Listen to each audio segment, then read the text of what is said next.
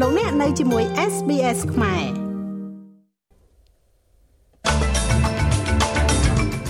រដ្ឋាភិបាលរដ្ឋ Queensland ផាកពិន័យក្រុមហ៊ុន Casino Star Entertainment ចំនួន100លានដុល្លារជនជាតិចិន4នាក់ត្រូវបានចោទប្រកាន់ពីបទជាប់ពាក់ព័ន្ធនៅក្នុងការឆោបោកផ្នែកហិរញ្ញវត្ថុជាសកលតម្លៃរាប់សិបលានដុល្លារអូស្ត្រាលីអំពាវនាវឲ្យបញ្ឈប់គម្រោងការកាត់ទោសប្រហារជីវិតបន្ថែមទៀតនៅអ៊ីរ៉ង់។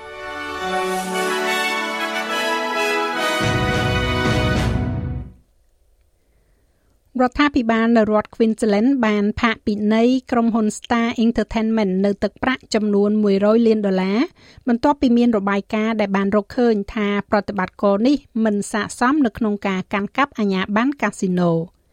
អាញាបានកាស៊ីណូនោះក៏ត្រូវបានព្យួររយៈពេល90ថ្ងៃផងដែរដោយលើកពេលរហូតដល់ខែធ្នូឆ្នាំ2023ហើយលោក Nicholas Vickers ត្រូវបានតែងតាំងគឺជាអ្នកគ្រប់គ្រងបណ្ដោះអាសន្នដើម្បីធ្វើកំណែទម្រង់ប្រតិបត្តិការរបស់ក្រុមហ៊ុននេះអគ្គមេធាវីនៃរដ្ឋ Queensland លោកស្រី Shannon Fertiman មានប្រសាសន៍ថា Star Casino មានពេល12ខែ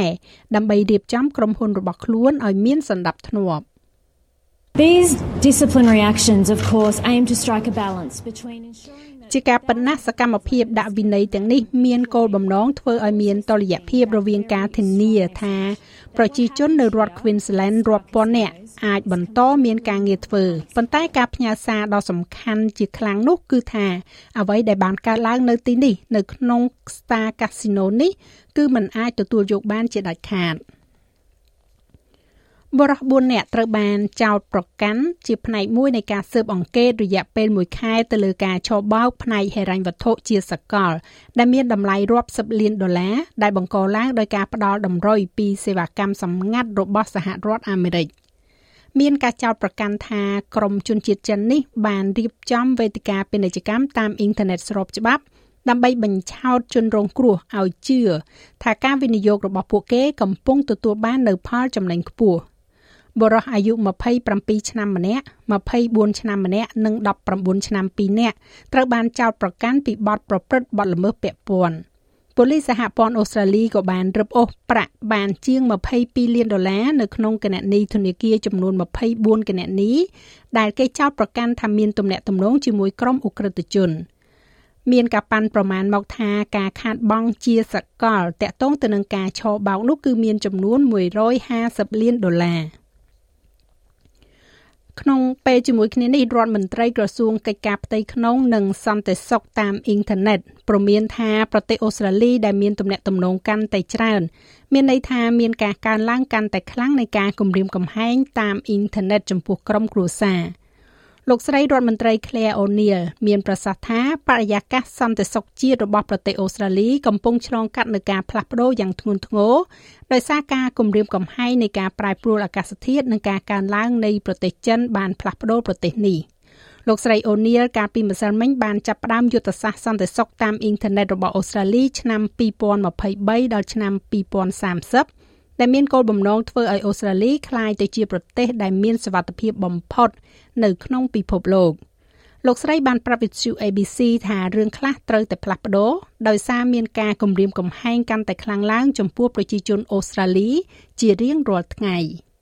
because of technology this is bringing these problems right into the the household ដោយសារតែបច្ចេកវិទ្យានេះគឺជាការនាំយកបញ្ហាទាំងនេះចូលទៅក្នុងក្រុមគ្រួសាររបស់ប្រជាជនអូស្ត្រាលីហើយយើងកំពុងមើលឃើញថាជាមួយនឹងការវាយប្រហារតាមអ៊ីនធឺណិតយើងឃើញវាមានការប៉ុនប៉ងធ្វើឲ្យមានឥទ្ធិពលលើប្រព័ន្ធនយោបាយរបស់យើងដើម្បីជះឥទ្ធិពលទៅលើអ្វីដែលកើតឡើងនៅសាកលវិទ្យាល័យហើយអ្នកដឹងទេបញ្ហាជំវិញការយាយីនៅក្នុងសហគមន៍ជនភៀសខ្លួន បញ្ហាសកលទាំងនេះកំពុងមានផលប៉ះពាល់នៅក្នុងស្រុកការសិក្សាថ្មីមួយបង្ហាញអំពីបន្ទុកនៃការរើសអើងប្រចាំថ្ងៃគឺបណ្ដាលមកពីកម្រិតនៃភាពតានតឹងផ្លូវចិត្តខ្ពស់ចំពោះមនុស្សពេញវ័យជនជាតិដើមភាគតិចដោយផ្អែកទៅលើការផ្ដល់ចម្លើយជិត10000ច្បាប់ ក្រុមអ្នកស្រាវជ្រាវសាកលវិទ្យាល័យជាតិអូស្ត្រាលីនិយាយថា30%នៃជនជាតិដើមភាគតិច Aboriginal និងអ្នកកោះ Torres Strait កំពុងតែជួបប្រទះបញ្ហាផ្លូវចិត្តតាក់ទងទៅនឹងទំនាក់ទំនងប្រចាំថ្ងៃបើធៀបទៅនឹង13%នៃមនុស្សពេញវ័យដែលមិនមែនជាជនជាតិដើមវាតកតងទៅនឹងសកម្មភាពដូចជាការប្រព្រឹត្តដោយគ្មានក្តីគោរពឬក៏ត្រូវបានប៉ូលីសកំណត់គោលដៅដោយអយុត្តិធម៌ វាក៏មានគម្លាតសរុប47%រវាងប្រជាសាស្ត្រទាំងពីរផងដែរដែលទំនងជាបណ្ដាលមកពីប្រភេទផ្សេងគ្នានៃការរើសអើងពូជសាសន៍អន្តរបុគ្គលរដ្ឋមន្ត្រីការបរទេសអូស្ត្រាលីលោកស្រី Penny Wong និយាយថាការប្រហារជីវិតបរិសុជនជាតិអ៊ីរ៉ង់ម្នាក់ដែលបានចូលរួមនៅក្នុងការតវ៉ាតាក់ទងទៅនឹងការស្លាប់របស់ Masa Amini គឺគួរឲ្យបារម្ភខ្លាំងណាស់ រដ្ឋាភិបាលទីក្រុងតេរ៉ាន់បានអនុវត្តនៅការប្រហារជីវិតជាលើកដំបូងរបស់ខ្លួនតាក់ទងទៅនឹងភាពចលាចលនៅទូទាំងប្រទេសនេះដោយព្យួរកបរិសម្នាក់ដែលត្រូវបានកាត់ទោសពីបទបិទផ្លូវនិងធ្វើឲ្យកងសន្តិសុខម្នាក់រងរបួសដោយកំបិតគេជឿថាយ៉ាងហោចណាស់មានមនុស្ស28នាក់រួមទាំងកុមារ3នាក់ផងដែរដែលអាចប្រឈមមុខទៅនឹងទោសប្រហារជីវិតតាក់ទងទៅនឹងការតវ៉ានេះហើយយ៉ាងហោចណាស់មនុស្ស6នាក់ត្រូវបានកាត់ទោសប្រហារជីវិតរួចហើយ។ សមាជិកព្រឹទ្ធសភាលោកស្រីវងបានជំរុញឲ្យអាជ្ញាធរបញ្ឈប់ផែនការក្នុងការប្រហារជីវិតមនុស្សបន្ថែមទៀតទាំងនេះគិលានុបដ្ឋាយិកានឹងឈ្មោកនៅក្នុងរដ្ឋ Queensland នឹងទទួលបាននូវការដំឡើងប្រាក់បៀវត្សទាន់ពេលសម្រាប់ប៉ុនណូអែលខាងមុខនេះបន្ទាប់ពីកិច្ចព្រមព្រៀងចរចាអាជីវកម្មដ៏សំខាន់មួយបានសម្រេចឡើង។ កិច្ចព្រមព្រៀងប្រាក់ឈ្នួលនេះគឺជាការកើនឡើងដ៏ធំបំផុតសម្រាប់គិលានុបដ្ឋាយិកានៅទូទាំងប្រទេសហើយធ្វើឲ្យគិលានុបដ្ឋាយិការបស់រដ្ឋនេះស្ថិតនៅក្នុងចំណោមអ្នកដែលមានប្រាក់ខែខ្ពស់បំផុតរបស់ប្រទេសអូស្ត្រាលីកញ្ចប់ប្រាក់ឈ្នួលដំបូងសម្រាប់គិលានុបដ្ឋាយិកានឹងត្រូវបង់នៅក្នុងសប្តាហ៍មុនថ្ងៃបុណ្យណូអែលហើយការកើនឡើងចំនួន4%នេះនឹងគិតត្រឡប់បកក្រោយតាំងពីខែមេសាឆ្នាំ2022កិច្ចព្រមព្រៀងនេះបង្កើនអត្រាផាកពិន័យ សម្រាប់ការងារថ្ងៃអាទិត្យនិងដកចេញនូវការកាត់ច្បាប់ឈប់សម្រាកប្រចាំឆ្នាំសម្រាប់ថ្ងៃបុណ្យឈប់សម្រាកជាសាធារណៈលេខាធិការសហជីពគិលានុបដ្ឋាយិកានឹងឈ្មោកនៃរដ្ឋ Queensland លោកស្រី Beth Moll បានស្វាគមន៍ចំពោះកិច្ចព្រមព្រៀងសម្រាប់គិលានុបដ្ឋាយិកានឹងឈ្មោកសាធារណៈជិត5.5សំទុះ55,000នាក់របស់រដ្ឋនេះ តារាបាល់បោះអាមេរិកម្នាក់ដែលត្រូវបានដោះលែងពីពន្ធនាគាររុស្ស៊ីជាផ្នែកមួយនៃការដោះដូរអ្នកទោសជាមួយរុស្ស៊ីនោះនិយាយថាគ្រួសាររបស់នាងបានជួបជុំគ្នាឡើងវិញហើយអ្នកនាង Britney Griner ត្រូវបានចាប់ខ្លួននៅក្នុងខែកុម្ភៈនៅឯអាកាសយានដ្ឋានទីក្រុងមូស្គូ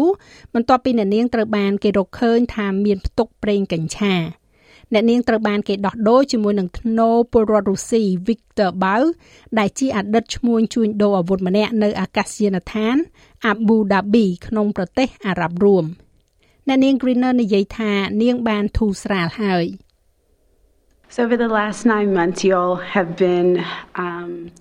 ដូច្នេះក្នុងរយៈពេល9ខែចុងក្រោយនេះអ្នកទាំងអស់គ្នាពិតជាបានចូលរួមនៅក្នុងគ្រាដ៏ងងឹតបំផុតមួយនៃជីវិតរបស់ខ្ញុំដូច្នេះហើយថ្ងៃនេះខ្ញុំគ្រាន់តែឈរនៅទីនេះពោពេញទៅដោយអារម្មណ៍មនោសញ្ចេតនាប៉ុន្តែមនោសញ្ចេតនាដ៏សំខាន់បំផុតដែលខ្ញុំមាននៅពេលនេះគឺជាការដឹងគុណយ៉ាងស្មោះស្ម័គ្រសម្រាប់លោកប្រធានាធិបតី Biden និងរដ្ឋបាលរបស់គាត់ទាំងមូល។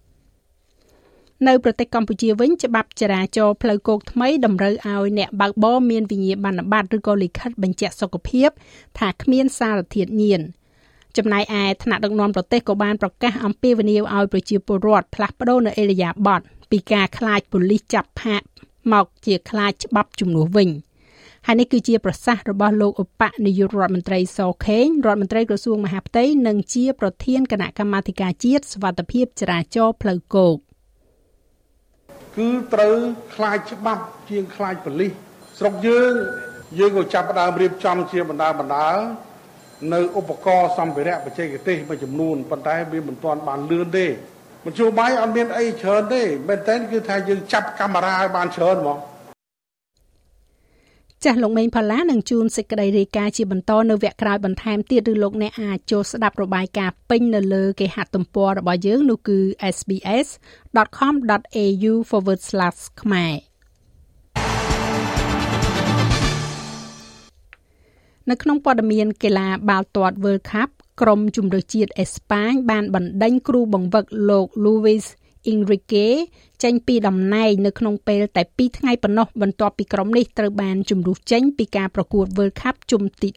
16អេស្ប៉ាញបានចាញ់ម៉ារ៉ុក3ទល់នឹង0នៅក្នុងការស៊ុតបាល់ពេណាល់ទីបន្ទាប់ពីស្មើគ្នា0ពិន្ទុនៅក្នុងម៉ោងធម្មតានិងម៉ោងបន្ថែមសហព័ន្ធបាល់ទាត់អេស្ប៉ាញនិយាយថាខ្លួនកំពុងចាប់ផ្ដើមគម្រោងថ្មីដោយតែងតាំង Luis de la Fuente ឲ្យកាន់តួនាទីនេះ ចំណែកឯអត្រាប្តូរប្រាក់វិញនៅថ្ងៃនេះ1ដុល្លារអូស្ត្រាលីមានតម្លៃប្រមាណជា68សេនប្រាក់ដុល្លារអាមេរិកត្រូវនឹងជិត2800រៀលប្រាក់រៀលខ្មែរ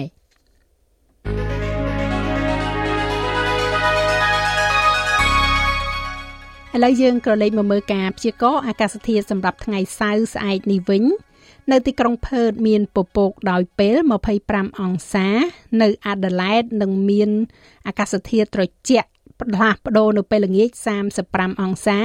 មែលប៊នបើកថ្ងៃ25អង្សា Hobart មានពពក19អង្សាភាគច្រើនបើកថ្ងៃនៅ Canberra 23អង្សា នៅ Sydney មានពពកដោយពេល23អង្សា ដូចគ្នានៅ Brisbane 25អង្សា បើកថ្ងៃនៅទីក្រុង Cairns 34អង្សា នៅ Darwin អាចនឹងមានព្យុះ35អង្សា ទីក្រុងភ្នំពេញមានពពកដោយពេល33អង្សា